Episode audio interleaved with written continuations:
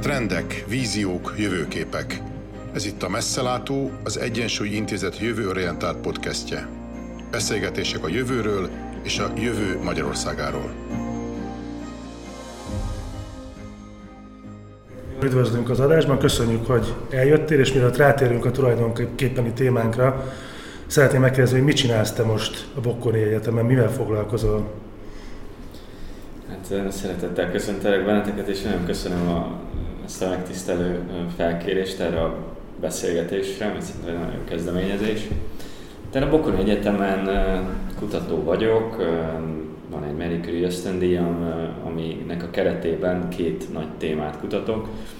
Az egyik az a liberalizmusnak, illetve a populizmusnak a társadalmi gazdasági gyökerei és társadalmi hatásai.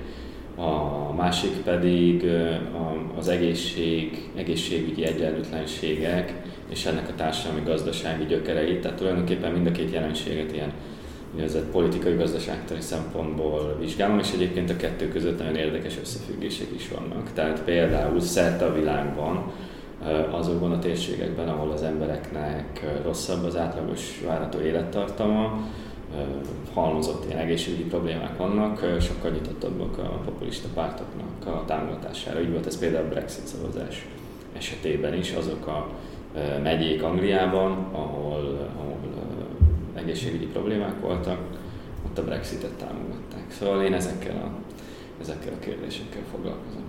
Itt tulajdonképpen szélről már karcolgatjuk is a mai témánkat, úgyhogy nem volt felesleges megkérdezni talán, mert az érdekel minket a legjobban, és ez részben érinti a kutatási témádat is, hogyha a mai tendenciákat figyeled, a társadalomnak és a világpolitikának a mai alakulását figyeled, és főleg a gazdaságnak az alakulását figyeled, hogyan látod Magyarországnak a helyzetét a világban, és egyáltalán az Európai Unió helyzetét 10 év múlva, vagy akár 20 év múlva? Mi az, amire rá se fogunk ismerni, mik a legfontosabb tendenciák, amikről keveset beszélünk manapság?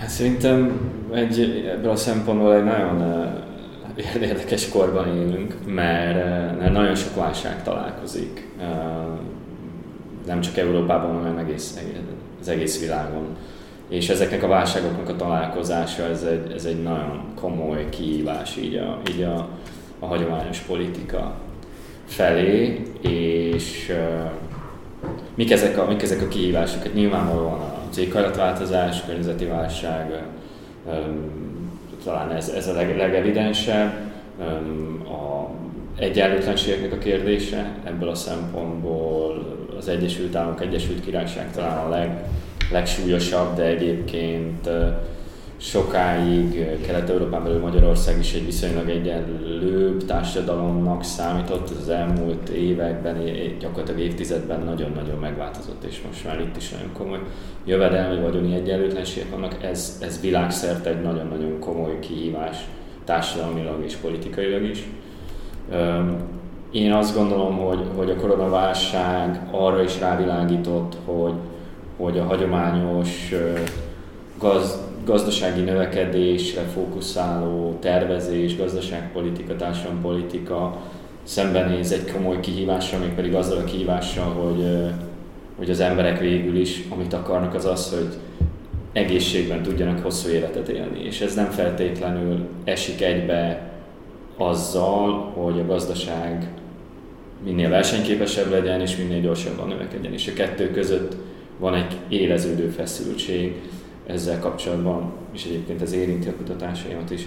Hát ezzel kapcsolatban szintén nincsen jó válasz Amerikától az Egyesült Királyságig Magyarországot bezárva. Tehát van klíma, van egyenlőtlenségek, van egészség, egészségügyi egyenlőtlenségek, egyáltalán az e- élet, egészséges életévek számának a maximalizására át tud állni a gazdasági működés logikára. És akkor mindezekre a tud-e választ adni a demokratikus politikai közösség, vagy nem. Ez, ez gyakorlatilag rárakódik ezekre, ezekre a válságokra, és, és hát szétfeszíti a hagyományos politika kereteit. Megint azt látjuk, hogy, hogy, hogy az Egyesült Államoktól Kelet-Európáig lecsegropog a liberális demokráciának az alapzata, és hogy tulajdonképpen á, hogy, hogy, hogy folytatódni fog-e a populista áttörés, nevezzük mondjuk populistának, fog, fog, folytatódni fog-e a liberális demokráciák intézményrendszerének a, a romlása, a demokráciáknak a, a hanyatlása, a hibridizációja, ez, ez egy hatalmas nagy kérdés, ami összefüggésben áll ezekkel, és akkor ha Magyarországra, illetve a térségre koncentrálunk, akkor talán még érdemes itt megemlíteni ezt, azt a kérdést, hogy Magyarország képes lesz-e kiemelkedni a félperifériás helyzetéből, abból a gazdasági munkamegosztásból, amivel most van, a közepes jövedelem csapdájából, úgy, hogy közben az előző kihívásokra is valamilyen értelmes válaszsal rendelkezik. Hogyha kapnál egy varázspálcát, vagy korlátlan felhatalmazást, és ezt a feladatot, hogy emelt ki országot, Magyarországot a közepes jövedelmi országoknak a kategóriájából, akkor mi lenne az első három dolog, amit elvégeznél? Milyen területeken avatkoznál be, és mit csinálnál? Fú, hát ez egy nagyon fogós kérdés. Hát az biztos, hogy az egyik legfontosabb beavatkozási terület értelemszerűen az, az hogy uh, igazából soha nem volt kellőképpen megbecsülve Magyarországon azok a rendszerei az államnak, amiket nevezhetünk, nem tudom én, humántőke rendszereknek, tehát egészség, oktatás, illetve ehhez kapcsolódik a kutatásfejlesztés. És ezeknek a minőségének a radikális fel, feljavítása, fejlesztése az elengedhetetlen ahhoz, hogy Magyarország kilépjen ebből a, ebből a világgazdasági pozícióból, amiben, amiben jelenleg van. És hát nem, nem látom igazából azt, hogy, hogy ez, ez úgy ez a parafatantusz leesne ejtőernyővel a, a politikai elitnek, de ez korábban 2010 előtt sem feltétlenül igazából ebbe az irányba haladtunk, tehát ott is volt már egy nagyon komoly minőségromlása az oktatásban, egészségügyben egyaránt, tehát ez, ez szerintem ez döntő jelentőségű, mert Magyarországnak meg kell tanulnia átállnia a magasan képzett, egészséges emberekre épülő, emberközpontú gazdasági modellre nem lehet hosszú távon Magyarország versenyképes, az olcsó, kiszolgáltatott, könnyen kizsákmányolható, alacsonyan védett munka, munkavállalókra építve. Hadd legyek az ördög ügyvédje, aztán átadom a szót Daninak. Miért nem? Eddig el, elviszkéltünk így. Miért nem lehet ez a következő 20-30 évben is? Hát éppenséggel technikailag lehet ez is, de szerintem azért az emberek többsége nem elégedett ezzel, és jobban nem elégedett, mert, mert ezzel nem lehet messzire jutni. Tehát ez igazából nem alkalmas arra, hogy azok a dolgok, amiket az emberek elválnak, jövedelem, életminőség hosszú távon és fenntartató módon javuljon. Ráadásul egy olyan korban, amikor próbálásszerű technológiai fejlődés van, a, a, az alacsony képzettséget igénylő munkahelyek többségét egyszerűen néhány éven belül ki fogja váltani a robotizáció. Tehát ebben az időszakban beleszorulni egy olyan munkamegosztásba, ahol mi gyakorlatilag a magyar munkások többsége ilyen csereszabatos munkát végez, ami, ami bármikor kiváltható robotokkal, ez nem tűnik egy, nem tűnik egy jó, jó ötletnek. Tehát át kellene tolni a magyar gazdaságot egy, egy magasabb hozzáadott értékű irányba, amihez pedig mindenképpen radikálisan fejleszteni kell azt, amit közgazdászok humántőkének neveznek, de én nem annyira szeretem ezt a kifejezést, mert, mert az ember nem tőke, de, de értjük azért valahol mégiscsak valamit megreved ez a kifejezés. Látszólag a koronavírus járvány rávilágította ezekre a problémákra a szélesebb közvélemény figyelmét, és mit gondolsz, hogy a, a, a kilábalás ad egy esélyt arra, hogy hirtelen meglépjük ezeket a reformokat? Hát én pessimista vagyok az a helyzet. Tehát éppenséggel esélyt adna, de, de nem látom, hogy e, rendelkezésre áll igazából az a, az a tudás, az a felkészültség és egyáltalán az az akarat, hogy ezt a, ezt a, ezt a meglehetősen nagy ugrást így akár Magyarország megtegye, de akár igazából más országban is azt látom, hogy igazából nincsen egy ilyen nagyon radikális változás. Most nyilván Nyugat-Európa részben más típusú problémákkal küzd, de, de ott sem látom azt, hogy például az egészségre és az emberre koncentráló, fenntartható gazdasági modellre való átállás az tényleg úgy, úgy prioritást kapna, úgy, úgy Isten igazából. Tehát azok a források, amiket például az európai közösség erre költ, az, az, az eltörpül ahhoz képest a mai napig, amik, amit más típusú célokra költ, akár amit korábban a bankok megmentésére költött, ami nyilván valamilyen szinten szükséges, de közben, ha meg akarjuk menteni saját magunkat a klímakatasztrófától, arra sem általán mondjuk a zöld fordulatra, a zöld forradalomra, a zöld gazdasági forradalomra valamilyen hasonló összeget költeni. Sok hiba elhangzott. Látunk olyan országot, ahol, ahol ezek a reformok már megvalósultak, ahol alapvetően jó irányban mennek a dolgok?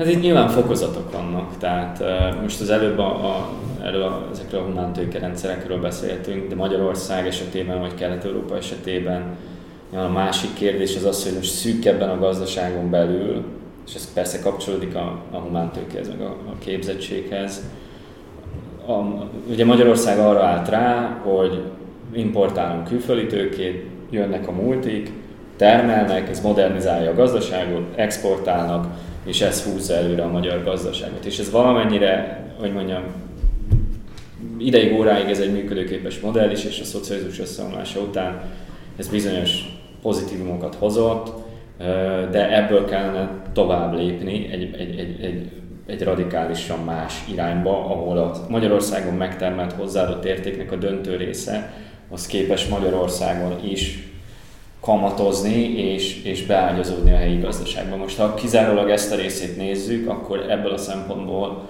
vannak országok, akár csak a szűkebben vett térségben, amelyek ezt, ezt ügyesebben jobban csinálták. Tehát sikerült elérniük azt, hogy, hogy, a, hogy a, az országban termelő multik, azok több, ö, több helyi hozzáadott értéket használjanak fel a termelésükben, adott esetben nagyobb szerepet kapjon, nem csak a helyi fogyasztás, hanem a helyi tudásoknak, a helyi technológiának, a helyi innovációnak is nagyobb szerepe legyen a, a gazdasági folyamatokban, és a helyi gazdasági szereplők pedig hozzáférjenek a globális a magas hozzáadott értékű piacokhoz. Például cseheket megnézzük, sokkal magasabb a helyi tulajdonban lévő vállalatoknak a, a hozzáférése a globális piacokhoz. Tehát nincsen egy akkora borzasztó szétszakítottsága a gazdaságnak, mint, mint Magyarország esetében.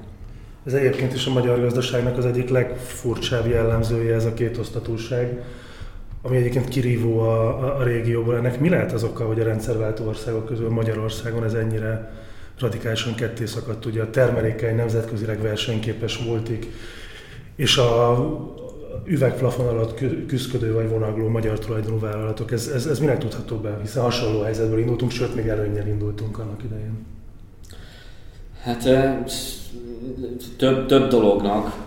Egyrészt Magyarországnak volt egy nagyon komoly adósságterhe, ami bizonyos értelemben kényszerpályára rakta az országot. De szerintem azért ez nem magyarázza teljes egészében, tehát ezen belül is lett volna mozgástér arra, hogy Magyarország egy kicsit kreatívabb iparpolitikát folytasson, de a 90-es években, sőt tehát a 2000-es években igazából az volt a, az uralkodó nézet, hogy, hogy a, az a jó iparpolitika, ha nincs iparpolitika. Tehát az államnak az a feladata igazából, hogy kinyitsa a gazdaságnak a kapuit, úgymond, és a többit az pedig a piac elintézi. Na most azt látjuk, hogy igazából ez így ebben a formában nem működött, és akár Csehországban, akár Lengyelországban, egyébként Szlovéniában is egy, egy, egy tudatosabb viszonyulás volt a külföldi tőkéhez aminek az lett az eredménye, hogy, hogy sikerült egyrészt jobban beágyazni a külföldi tőkét a helyi gazdaságba, másrészt sikerült jobban megerősíteni a, a helyi gazdaságot, az, az termelékenyebb, kisebb a termelékenységi szakadék, és nagyobb a kapcsolódás a kettő között, illetve versenyképesebbek nemzetközileg a, a, a helyi vállalatok, akár Csehországon mondjuk sokkal többet innoválnak a helyi tulajdonban lévő vállalatok. Erre kellene valamilyen tudás, iparpolitikai, innovációpolitikai válaszsal rendelkeznie a helyi elitnek. Én azt látom sajnos, hogy ez sem 2010 előtt, sem 2010 után igazából nem nagyon látom, hogy, hogy, hogy ez úgy igazából megtörténne. Itt, hogyha jól értem, akkor te két dolgot javasolnál, hogyha tanácsadó lennél politikusoknak. Az egyik az, hogy 10-15 éves távra fektessenek be, például oktatásba és egészségügybe. A másik az, hogy egy összeszerelő versenymezőnyből lépjünk elő, és legyünk a versenytársai Svédországnak, Indiának és társaiknak. Hogyan győznél meg erről egy négy éves ciklusokban gondolkodó politikust? Hát nyilván a legtöbb politikusnak is van, vannak családtagjaik, és megpróbálnék a lelkükre appellálni, hogy próbálnak meg jövőorientáltan gondolkozni. De most egy kicsit a viccet félretéve, nyilván azért az a, a jó politikus is érdekelt abban, hogy őt újra válasszák, és ennek érdekében azért képesnek kell lennie felmutatni bizonyos eredményeket és olyan hosszú távú folyamatokat és jövőképeket, perspektívákat, amikre azért az emberek kíváncsiak és fogékonyak. Tehát szerintem azért nem igaz, hogy hogy az embereknek ne lenne igénye arra, hogy, hogy, hogy hosszú távú jövőképek alapján történjen a, a, a politizálás, illetve másfelől viszont az elitnek, politikai elitnek, kulturális elitnek pedig felelőssége, hogy, hogy, hogy olyan identitásokat hozzon létre a társadalmon belül, amelyik, amelyik ezzel összhangban van. Tehát, tehát a politikai én nem szeretem a politikai piac metaforát, mert szerintem az nem úgy van, hogy ott van a kereset és ott van a kínálat, hanem szerintem a kettő az formálja, formálja egymást. Tehát a politikának dolga, hogy formálja azt, hogy, hogy a választók hogyan gondolkoznak. Tehát szerintem ebből a szempontból is érdemesebb olyan politikában gondolkozni, amelyik úgymond kompatibilis a, kompatibilis a jövővel. Tehát ez mindenképpen igen, jól foglaltad össze. Egy, egy, egy, ha tetszik, agresszívebb iparpolitika, és ezzel függ, összefüggésben egy, egy humántőke politika, oktatás, egészségügyi fejlesztés, és akkor ezek még csak a, úgymond a, a, a rövidebb távú, specifikusan magyar, magyar kihívások, amik ez a félperifériás, közepes jövedelem csapdás helyzethez igazodnak, akkor még nem beszéltünk igazából akár az éghajlatváltozásról, akár a demokrácia minőségéről, persze összefüggésben van ez mind Magyarországon mindezekkel, de, de mondjuk ezeknek a megoldása egy, egy jó szerintem egy jó, jó, jó kiindulási pont lenne. Még nem, ahogy említetted, még nem beszéltünk a klímaváltozásról, viszont itt log a levegőben, és, és komoly hatással lesz a magyar gazdaságra. Te hogy látod, mennyit fog érezni a magyar gazdaság 10-20 év múlva a, a klímaváltozásból?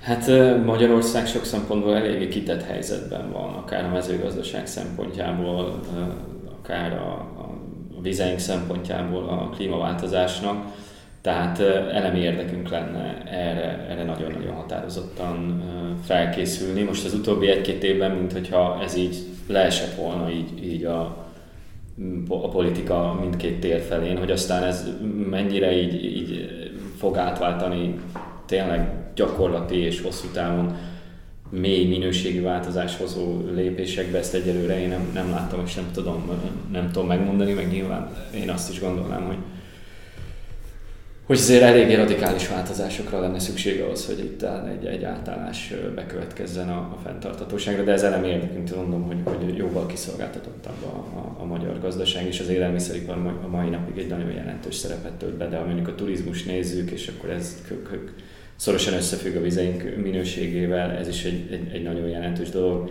De hát az is egy nagyon jelentős dolog, hogy, hogy például tudom én a, a, az átlag hőmérséklet emelkedésével, illetve ingadozásaival, ezek nagyon jelentősen hozzájárulnak az egészségügyi problémákhoz. Tehát amikor van egy-egy ilyen hőhullám, az egy nagyon komoly egészségügyi kockázatot is jelent. És hát Magyarország kifejezetten nagyon rosszul áll ebből a szempontból, és ezért is érdemes lenne mindenképpen készülni, mert az éghajlatváltozás az nem csak egy környezeti kockázati tényező, hanem egy, egy bizony egy egészségügyi kockázati tényező is. Ez kizárólag adaptációs feladat szerinted, tehát alkalmazkodnunk kell, fel kell készülnünk a változásokra, vagy Magyarországnak a maga 0,15%-os hozzájárulásával az összes kibocsátáshoz élen kéne járni a kibocsátás csökkentésben is? Vagy esetleg ilyen potyautas magatartással lenne érdemes csak az érdekeinket védeni előre? Hát nyilván nem, nem, nem, senki nem tanácsolhatja azt, hogy, hogy, hogy, az ország potya utas legyen, de persze közben meg reálisnak kell lenni, és azt gondolom, hogy azért ma már a nagy része az erőfeszítéseknek az inkább az alkalmazkodásról kell, hogy szóljon, de persze, mert nem lesz elkerülhető az, hogy legyen felmelegedés igazából, csak az a, vagy inkább úgy mondom, hogy változás és, és bizonyos értelemben kiszámíthatatlanná válás, és erre, erre mindenképpen készülni kell, de ezzel párhuzamosan persze az is egy borzasztóan nagy jelentőségi feladat, hogy Magyarország hozzájáruljon ahhoz a maga eszközeivel, hogy minimalizálja magát a, a, a változást. Tehát továbbra is feladat a megelőzés és a változás minimalizálása, de közben tisztában kell lennünk azzal, hogy igazából az az a vonat már elment, hogy, hogy itt ne legyen klímaváltozás, és, és most már fel kell készülni mezőgazdaságra, élelmiszeriparra, turizmussal, egészségügyel, és a többivel, és a többivel arra, hogy, hogy mondjuk milyen lesz 20 év múlva egy sokkal kiszámíthatatlanabb, pontszerű esőzésekkel jellemző, ingadozó időjárással, szárazabb, alföld sivatagosodásával jellemezhető ország, és ebben ez, ez milyen gazdasági társadalmi modellt követel meg.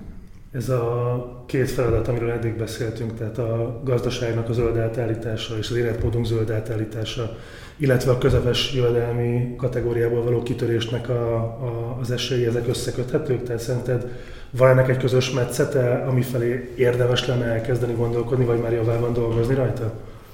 Persze, ezek nagyon jól összefüggenek. Tehát tipikusan egy, egy mondjuk úgy nevezük úgy, hogy zöld gazdaság, az nyilván nagyon sok esetben az egy, az egy tudásintenzív gazdaság és termelési módot jelent. Jelent persze decentralizációt is, és bizonyos értelemben vannak ennek munkaintenzív részei is, tehát mondjuk Magyarország által egy minőségi élelmiszertermelésre, és, és több lesz benne a, a, a, a helyi piacra termelő, nem tudom én, ökogazdaság, akkor az, az bizonyos értelmű munkaintenzív, de, de igazából a nagy része az arról kell, hogy szóljon a, a magyar gazdaság esetében, hogy csökkenti a, a kitettségét mondjuk az autóiparnak, és, és ennek a helyére hát legalábbis az autóiparon belül megpróbálja magát átkonvertálni mondjuk az elektromos autókra, de még jobb lenne, hogyha, hogyha olyan zöld iparágakra tudna átállni Magyarország, amely kevésbé kapcsolódik egyáltalán a, a, a gépjárművekhez. Mert ráadásul az a,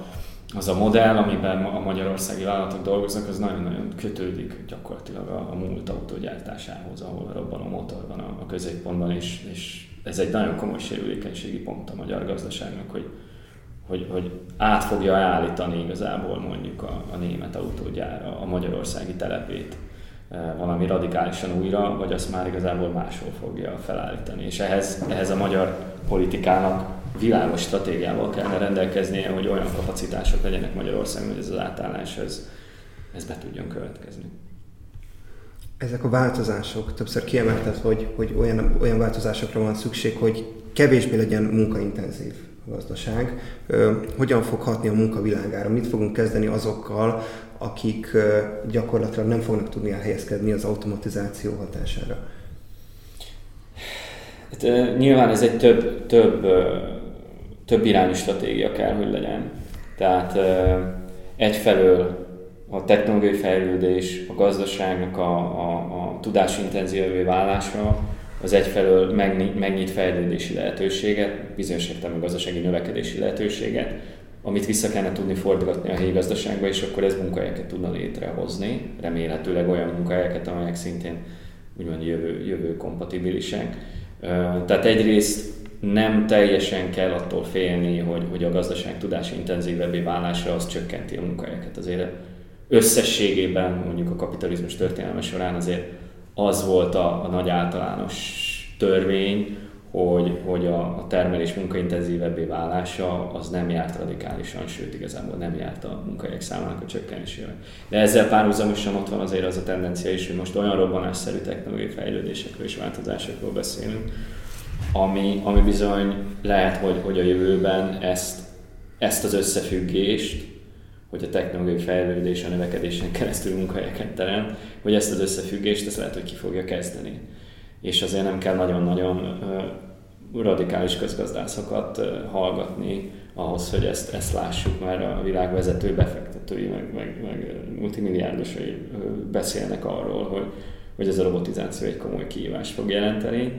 És hát erre ez, erre ne, nehéz jó válaszsal rendelkezni. Szerintem az egyik lehetséges válasz erre az alapjövedelem, ami a magyar közéleti diskurzusokban is megjelent, ami, ami egy, egy lehetőség, egy, egy, egy lehetséges megoldás arra, hogy, hogy, hogy, hogy tisztességes életet tudjanak azok élni, akik egyszerűen nem, nem férnek már hozzá a munkaerőpiachoz, illetve hosszabb távon pedig lehetővé teszi nekik azt, hogy egy olyan alapvető biztonságban éljenek, amitől aztán utána át tudja képezni magát, és meg tudja találni a helyét egy, egy, egy, egy új gazdaságban. Mert például vegyük mondjuk a munkanélküliségét. ha valaki három hónapra kap munkanélküli segít, mint ahogy jelenleg, akkor ez nagyon-nagyon rákényszeríti arra, hogy olyan munkákat is elvállaljon, ami lehet, hogy a képzettségéhez nem, nem optimális, nem illeszkedik annyira. Ebből a szempontból a szociális biztonság, ezt még a német befektetők is pontosan tudják, hogy egy alapvető szociális biztonság szükséges ahhoz, hogy, hogy legyen egy ilyen, egy ilyen skill intenzív, tehát egy ilyen tudásintenzív gazdasági fejlődés. A, szerintem most az egyik legizgalmasabb ága a közgazdasági irodalomnak, az újabbnak, Covid utáni irodalomnak, az az, hogy ez a mostani válság, ami egy nagyon sajátos válság és más, mint a 2008-2009-es, ez alapvetően átalakította az ilyen jobbal kereteket az állam szerepvállalásáról, az állami beavatkozásnak a tolerálható kereteiről. Tehát, hogy mást fogad el mondjuk még egy vad piacpárti republikánus is ma, mint, mint fogadott volna el tavaly ilyenkor. Te ezzel kapcsolatban, hogyha ebben a hosszabb távú kontextusban nézzük, most gyakorlatilag egy ilyen, egy ilyen tudatosan fejlesztő államnak a képéről beszélünk, nyugati értelemben vett fejlesztő államról, akkor ebben a tekintetben te optimista vagy, vagy az lesz most is, hogy, hogy az első ijegység után megtanulunk együtt élni ezzel a helyzettel, és visszamegy minden oda, ahol eddig volt? Hát az egyik felem optimista, a másik felem az realista, és akkor a kettőt... Ez egy politológus. Megpróbálom a kettőt öltözni. Egyfelől tényleg van, vannak arra utaló jelek, hogy, hogy van, van paradigmatikus változás, és, és ledőlnek tabuk, és erre mindenképpen lehet, lehet építeni, és, és, és az, aki mondjuk abban érdekelt, hogy szeretné mondjuk egy ilyen fenntartható, inkluzív irányba terelni a, a gazdaságot, az, az ezekre, a, ezekre a pillanatokra tud építeni, és ebbe az irányba tovább túlni, a, mind a jobb, mind a bal oldalt világszerte tényleg úgy van, hogy, hogy sokkal előrébb került a, a napi renden, még a, még a republikánus pártban is mondjuk az a szélsőséges kiszolgáltatottsággal szembeni fellépésnek a, a, a, az igénye. Tehát erre, erre, erre lehet építeni, ugyanakkor annak is látszódnak már jelen, és erről, erről is sajnos vannak már cikkek, hogy, hogy, hogy kezd visszaállni a gazdaság, a, hát ha nem is normális, de valamilyen működés jeleit mutatja, és, és, és valamilyen fajta növekedés kirajzolódik, és normalizálódnak a pénzügyi piacok, és a tőzsdeindex emelkedik, akkor elkezdenek megjelenni arról a cikkek, hogy úgy nagyon-nagyon magas az államadóság, itt megszorításokra van szükség, és fokozni kell a versenyképességet, tehát hogy ezeket a hangokat újra lehet már hallani is és ezeket a szövegeket olvasni. Um, úgyhogy szerintem lesz egyfajta visszarendeződés. A nagy kérdés az az, hogy, hogy jelentkeznek-e olyan politikai erők, illetve társadalmi koalíciók, amelyek képesek megragadni azt a tudást és belátást, ami keletkezett ebben a pillanatban, és tovább tolni a, a rendszert. Szerintem ez csak tehát szerintem ez egy hatalmi küzdelem is. Tehát ez teljesen összefügg az egyenlőtlenségek és a, és a, az a, a, a, gazdaság működésébe beépített ilyen logikával, ami ilyen szélsőséges vagyon és jövedelmi egyenlőtlenségeket generál, és, és hát azokkal az erőkkel a bizonyos értelemben kell tudni szembefeszíteni egy társadalmi koalíciónak a, a, az inkluzió, meg a fenntartatóságnak az érdekeit ez ügyben ez, nem, nem vagyok annyira optimista, hogy ezek a, ez a, mondjuk ez a progresszív politikai forradalom, ez, ez, ez megtörténne. Inkább azt látom továbbra is, hogy, hogy a populizmus az, ami igazából be tudja csatornázni az elégedetlenséget, és a másik oldalon pedig ezzel szemben kikistályosodik egy így a, így a liberális státuszkónak az önvédelme. Tehát igazából ez a politikai polarizáció határozza meg most így, ha 2016 mondjuk a populista mega áttörés éve volt a Brexit-tel és Donald Trump-al, akkor mondjuk az elmúlt egy-két év egy kicsit így a hú, sok, sok volt itt a populizmus, és itt normalizálódjunk egy kicsit, tehát mint hogyha most így az inga egy nagyon picit visszalendülne, de valójában nem abba az irányba megy el, nem, tehát visszalendül a liberális státuszkó irányába, és nem pedig az van, hogy egy, ökoszocialista progresszió irányába, vagy nem tudom micsoda irányba menne el a, a, a folyamat, és ez, ez, ez a jövő zenéje lesz, hogy, hogy ezt, ezt, ezt, meg, ez, ezt ki tudja hordani magából a, a, a fejlett világ ezeket a, ezeket, a, ezeket a változásokat. Látjuk ennek a jeleit az amerikai politikában, és egyébként az amerikai demokrata párt progresszív szárnya abszolút nyomja a, a Clinton-Biden féle centrumot egy progresszív irányba. Hát, hogy ez, ez mennyire lesz elég, ezt, ezt majd ezt, ezt, ezt, ezt meg, meglátjuk. Azt láttuk az elmúlt években, hogy a populizmus rendkívül jól ki tudta használni a digitalizációt és a, a, ezt a fejlődést. Te hogy látod, hogy, hogy a, a liberális oldal hogyan tudna építeni a, a digitalizációra?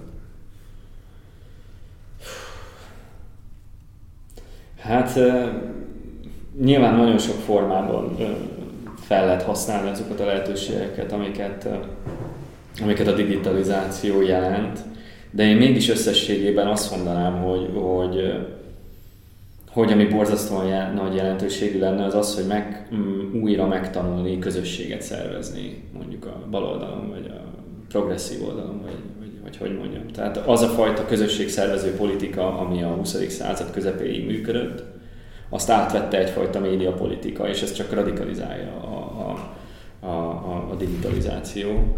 És ez hozzájárul ahhoz, hogy, hogy a baloldal elveszíti mondjuk azokat a közösségeket, amelyek a, ezeken a globális nagyvárosokon kívül, metropoliszokon kívüli, klasszikus ilyen munkásosztálybeli szavazóbázisa volt akár a demokrata pártnak, akár a Labournek, tehát az interneten keresztül tök jól meg lehet célozni mondjuk a fiatalokat, meg meg lehet célozni akár nagyvárosi szavazókat is, de, de, de, de nem biztos, hogy ez ugyanolyan nagyon jól fog működni más társadalmi közegekben, és a, ezekből a közegekből való kiágyazódása a baloldalnak vagy a progressziónak, vagy nem tudom, Amerikában liberálisoknak. Ez egy, ez egy iszonyatosan nagy kihívás, és én szerintem erre nincsen nagyon jó megoldás kizárólag digitális kereteken belül. Tehát ebbe a bázis építésbe és politikai közösség építésbe de ez emberek kellenek és kapcsolatok kellenek, és, és szerintem milyen értelemben vissza kell venni a digitalizációból és a médiapolitikából, és, és, és egy hagyományos irányba vissza-vissza mennie a, bázis építés irányába a, a, a, a nem tudom, minek nevezzük baloldalnak. Ez aztán a Magyarországot nézzük, ez, ez, ez még hatványozottabban igaz. Tehát itt, itt aztán ez, ez egészen kijön az, hogy mennyire be van szorulva a, a jelenlegi ellenzék a, a, a nagyvárosi szavazói világba. És hogyha tágabb perspektívában nézzük, tehát a politikai ideológiai küzdelmektől eltávolítva, akkor a digitális forradalom tekintetében, és itt most beszélhetnénk a mesterséges intelligenciáról, a big data analízisről, és én még nem tudom miről. Tehát hosszabb távon társadalmi, politikai szempontból, a demokráciáink jövője szempontjából te inkább techno-optimista vagy, vagy techno-pessimista. Tehát fel fog számolódni a szabadságunk, vagy a Russo által megálmodott közvetlen demokrácia abszolút uralma következik el a digitalizációnak köszönhetően. Hát én, én inkább azt mondom, hogy technorealista vagyok. Tehát igazából mind a kettő benne van a pakliban és önmagában a technológiai változás az, az ilyen értelemben ha tetszik, semleges, mert igazából azon múlik, hogy milyen intézményeket és struktúrákat hozunk létre. Hogyha, hogyha hagyjuk azokat a struktúrákat, amelyek mondjuk jelenleg kitermelik az egyenlőtlenségeket és a szélsőséges kiszolgáltatottságot és a környezet kizsákmányolását, akkor a technológiai forradalom és a digitalizáció ezt fogja felerősíteni. Ha felépítjük azokat az intézményeket és közösségi tereket és, és öntársadalmi, ha tetszik, önvédelmi mechanizmusokat, amelyek erre képesek reagálni, akkor, akkor be lehet csatornázni a technológiai fejlődést más irányba. Igazából én azt látom, hogy ezt a ezt a nagy küzdelmet igazából, ami, ami jellemzi, a, jellemzi a társadalmat, az egyenlőtlenségek, a kiszolgáltatottság körül, ez igazából kiterjed, áttevődik egy, egy, egy, egy új irányba. Nem mondom, hogy önmagában mondjuk az, hogy, hogy van, van, van digitalizáció és van, van, nem tudom én, Facebook, meg Twitter, ez nem fogja önmagában a társadalomnak a, az önvédelmi mechanizmusát sem önmagában aláásni, sem, sem magától, magától meg, meg, megerősíteni. De az biztos, hogy egy csomó beszél van benne, tehát ezt, ezt én nem, ezt én nem, nem kisebbíteném, tehát e, ezért mondom, ha, ha azok a hatalmi struktúrák maradnak fenn, ami, amelyek jelenleg, akkor, akkor, benne, akkor az képes a szabadságnak a köreit szűkíteni. De azért a világ ennél bonyolultabb, tehát azért a politikán keresztül mindig jelentkezik valamilyen fajta önvédelem azokkal a, azzal a szélsőséges ilyen egyenlőtlenség, egyenlőtlenítő profitlogikákkal szemben, ami, ami, ami, ami aláshatja ezeket a ami aláshatja a társadalomnak a biztonságát, meg kohézióját, meg, meg bizonyos értelemben a, a szabadságot. Ilyen szempontból, és most visszaközelítünk a jelenre, hogyan állsz ahhoz a vitához, hogy a nagy tech cégeket hogy lehet szabályozni akár mondjuk a világ egyetlen szuperhatalmának, akár egy 10 milliós kis országnak. Tehát szerinted mi a dolga a választott, legitim, demokratikusan becsatornázott hatalomnak ezekkel a magáncégekkel? Hát ez, ez innen Magyarországról nézve, ez egy, ez egy nagyon fogós kérdés. Tehát azért ezek a tech cégek azért, ezek tipikusan nem magyar cégek. Tehát uh, itt Magyarország egy, egy, ha tetszik, egy nagyon alkalmazkodó, uh, nagyon alkalmazkodó pályán van, ami szerintem nyilván van itt egyfajta tartalmi kérdés, hogy milyen, milyen tartalmi szempontból van itt egy új nyilvánosság, ami gyakorlatilag egy, egy, egy privát digitalizált nyilvánosság, és hogy ezzel szemben megfogalmazzon a politikai közösség elvárásokat, szerintem az nem csak hogy legitim, de szerintem az feladat is. Tehát szerintem nem lehet ezt teljes egészében kizárólag már Zuckerbergre bízni, hogy mi, mi, mi jelenik meg, mert annyira meghatározza a nyilvánosság szerkezetét, hogy, hogy szerintem az helyén való, hogyha a politikai közösségnek ezzel kapcsolatban markáns elvárásai vannak, ami túlmutat a Facebook profit érdekei. Tehát ez, ez, ez egy adottság, ugyanakkor ezt nem Magyarország fogja keresztül vinni. Ehhez kapcsolódik egy másik, aminek viszont a Magyarország típusú országoknak elemi feladata lenne, az az, hogy minden ilyen óriás cégnek az adóztatása az egy hatalmas nagy probléma.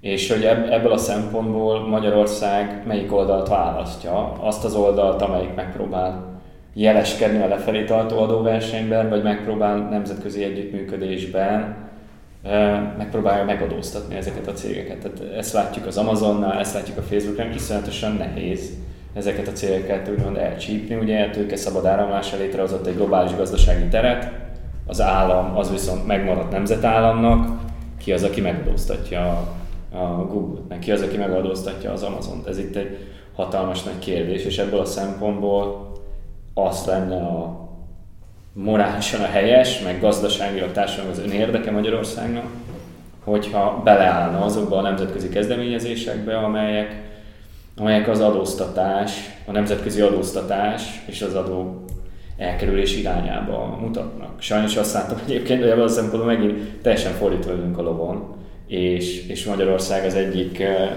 élharcosa annak a küzdelemnek, amelyik arról szól, hogy, hogy tartsunk keresztbe az Európai Uniós adóharmonizációnak például. Tehát ez, ez, ebben a szempontból kifejezetten rossz irányba mennek a, mennek a dolgok. Tehát lehet, hogy nem mi fogjuk leszabályozni azt, hogy mi jelenik meg a kedvenc közösségi médiánkon tartalmilag, de abba nagyobb beleszólásunk lehet, be, beleszólásunk lehet hogy, hogy az Európai Unió képes kialakítani egy olyan pénzügyi teret, amiben begyűjthető egyáltalán az adó ezektől a cégektől. Ez egy hatalmas nagy probléma egyébként. Tehát ez, ha ez, erre nincsen probléma, akkor, akkor azok a jóléti rendszerek, amik stabilizálták a nyugati demokráciát, azok, azok folyamatosan erodálódni fognak, és, és, és csak nőni fog az a politikai feszültség, amit már most Hogy látod, hogy ebben a küzdelemben, amit sokszor elmondtál, hogy nem tudunk egyedül megvívni, kik lehetnek a következő évtizedben a, a legfontosabb szövetségeseink. Mennyibe fog átalakulni Magyarország jelenlegi szövetségesi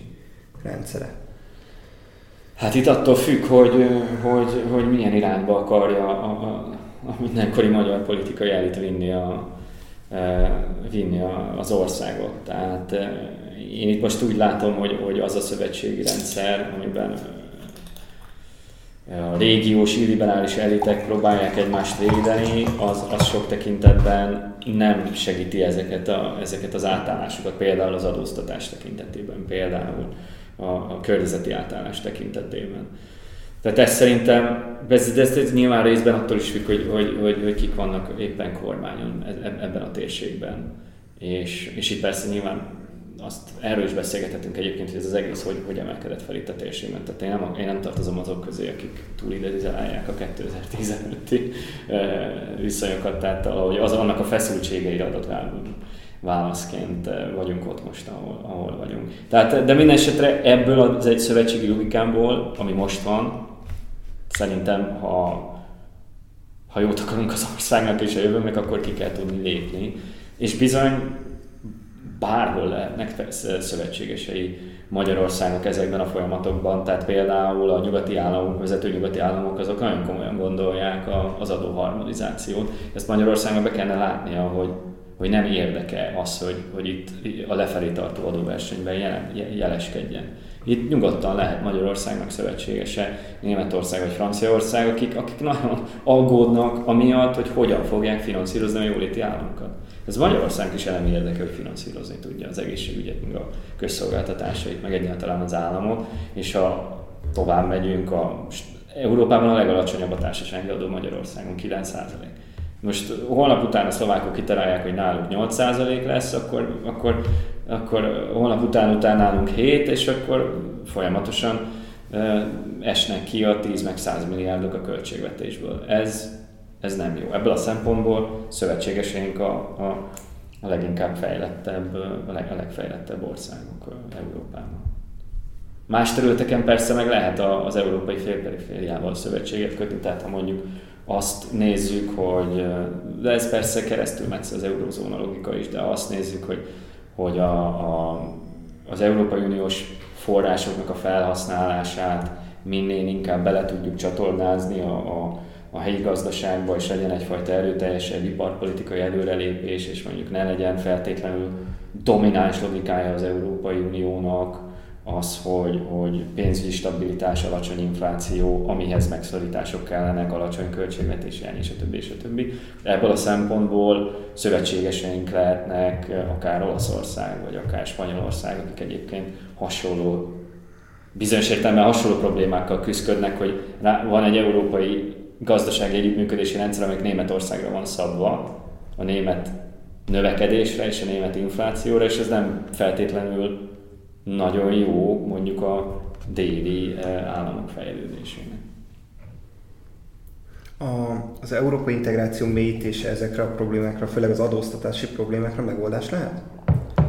Hát szerintem nagyon sok problémára lehet megoldás az európai integráció mélyítése.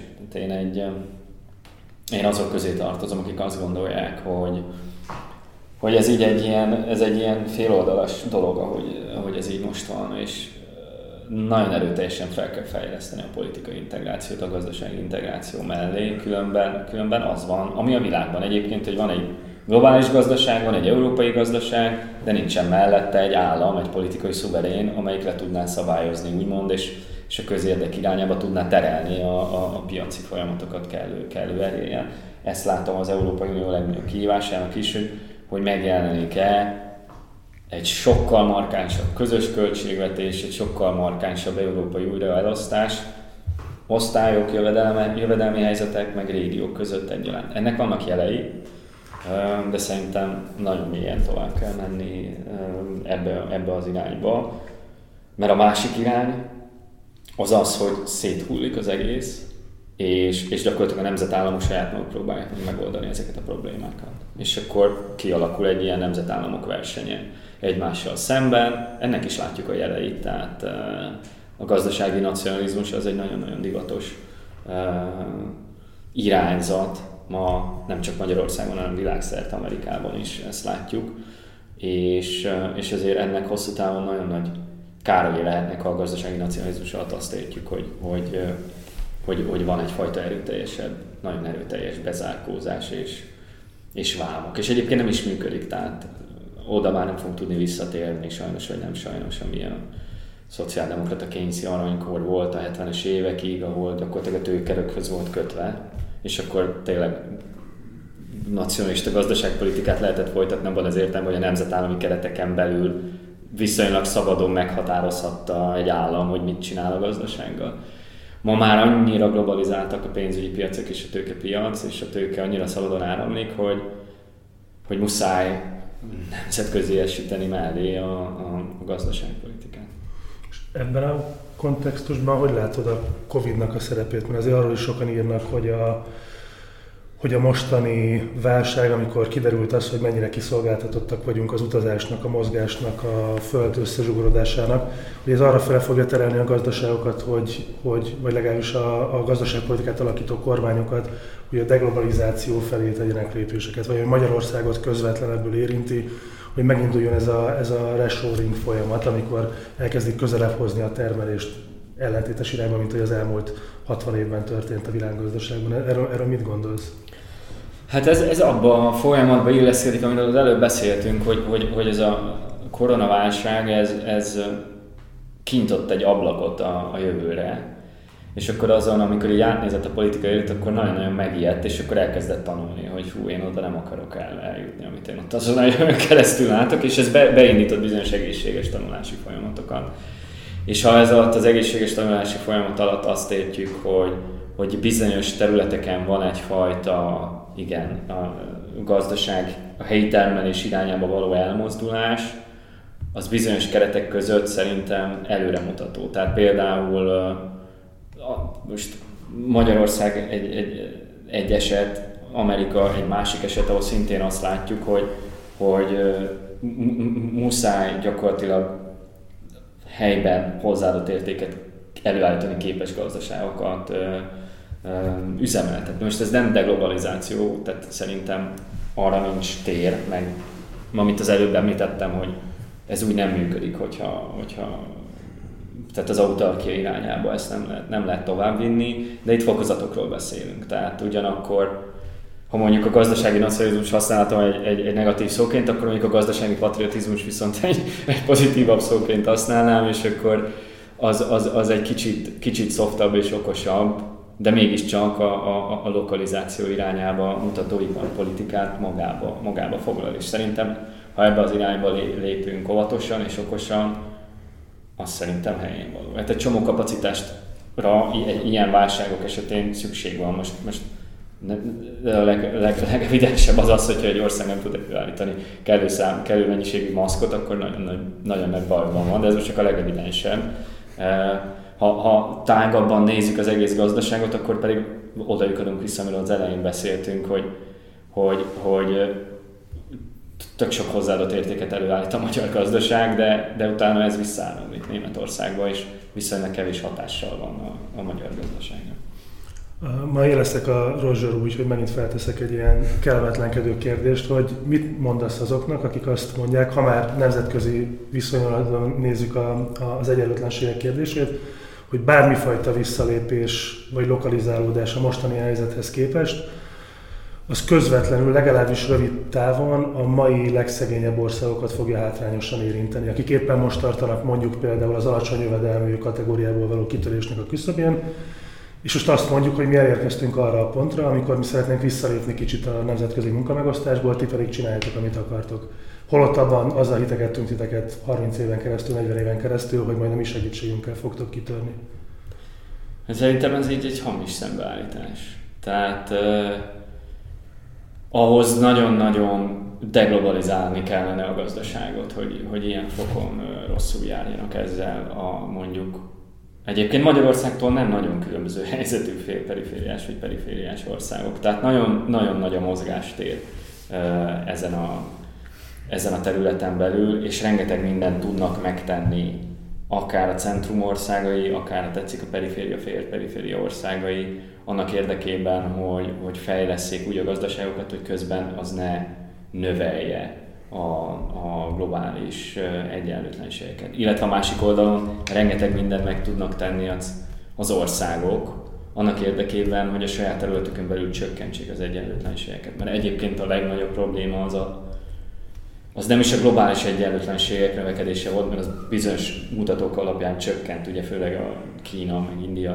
növekedése miatt, hanem, hanem itt a nyugati demokráciákat leginkább azt feszítette, hogy a saját területükön belül micsoda egyenlőtlenségek alakultak ki, és, és hogyan szakadt le a hagyományos mondjuk munkás réteg, és stagnáló jövedelemmel, és hogy ezzel valamit csinálunk-e, ez, ez közvetlenül az, hogy mondjuk Amerikában még a 70-es évekig nagyon masszívan progresszív adó volt, most pedig ott is egy, egy hát gyakorlatilag hatásait tekintve egy, egy, egy, egy, egy, egy, egy kulcsos, egy ilyen flat tax rendszer jött életbe, egy kicsit többet fizetnek a, a leggazdagabbak, de igazából nem sokkal.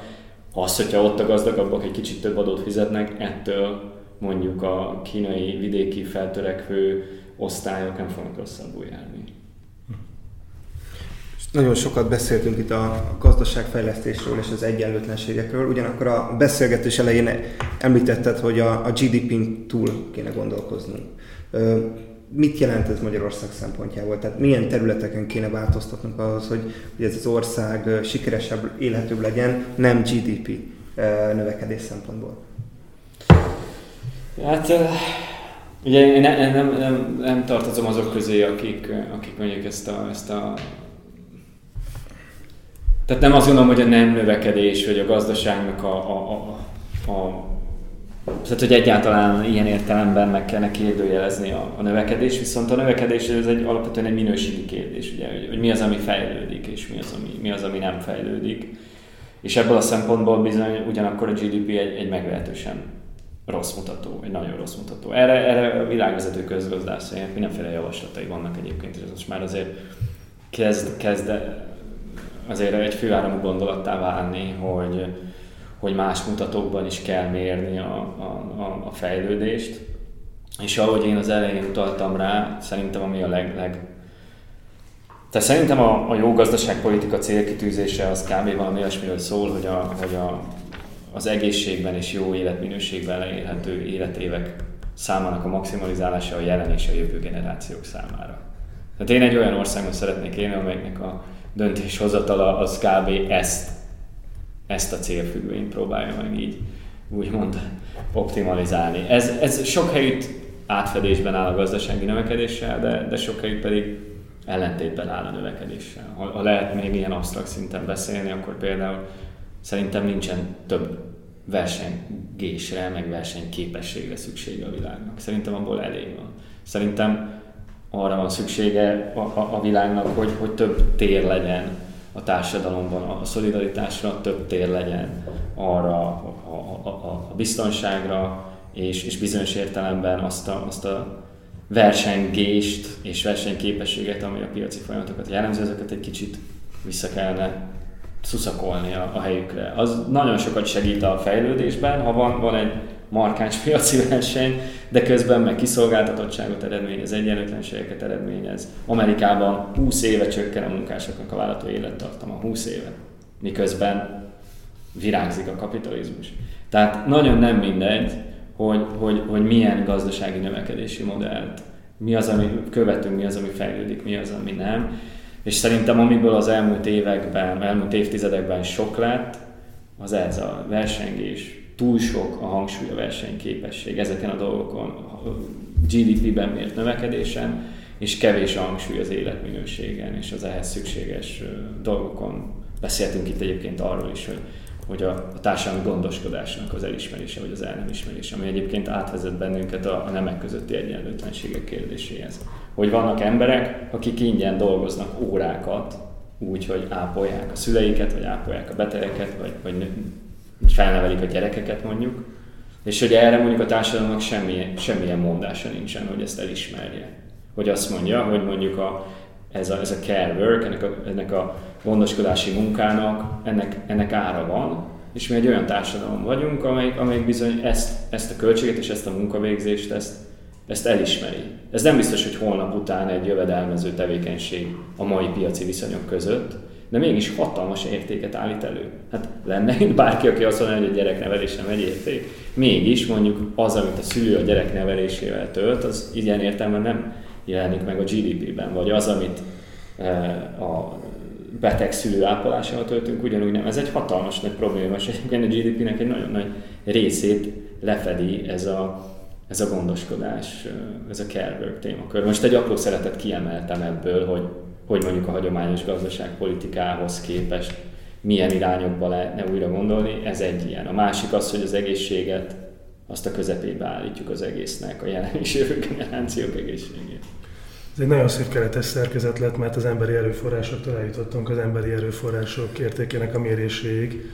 Úgyhogy köszönjük szépen a beszélgetést. Még egyetlen egy rövid kérdésünk lenne csak. Megkérjük azokat a beszélgető partnereinket, akik elmondták a véleményüket a jövő legfontosabb kívásairól, hogy ajánlanak a, a, az olvasóinknak két vagy három olyan könyvet, podcastet, dokumentumfilmet, akármit, amit különösen inspirálónak tartanak, hogyha a jövőről gondolkodnak. Tehát nyilván nem az érdekel minket, hogy a amerikai belpolitika alakulása, hanem ami a jövőről szóló gondolkodásodat döntően alakított. Ez lehet két éve olvasott könyv, tegnap olvasott könyv, vagy tíz éve látott dokumentumfilm is.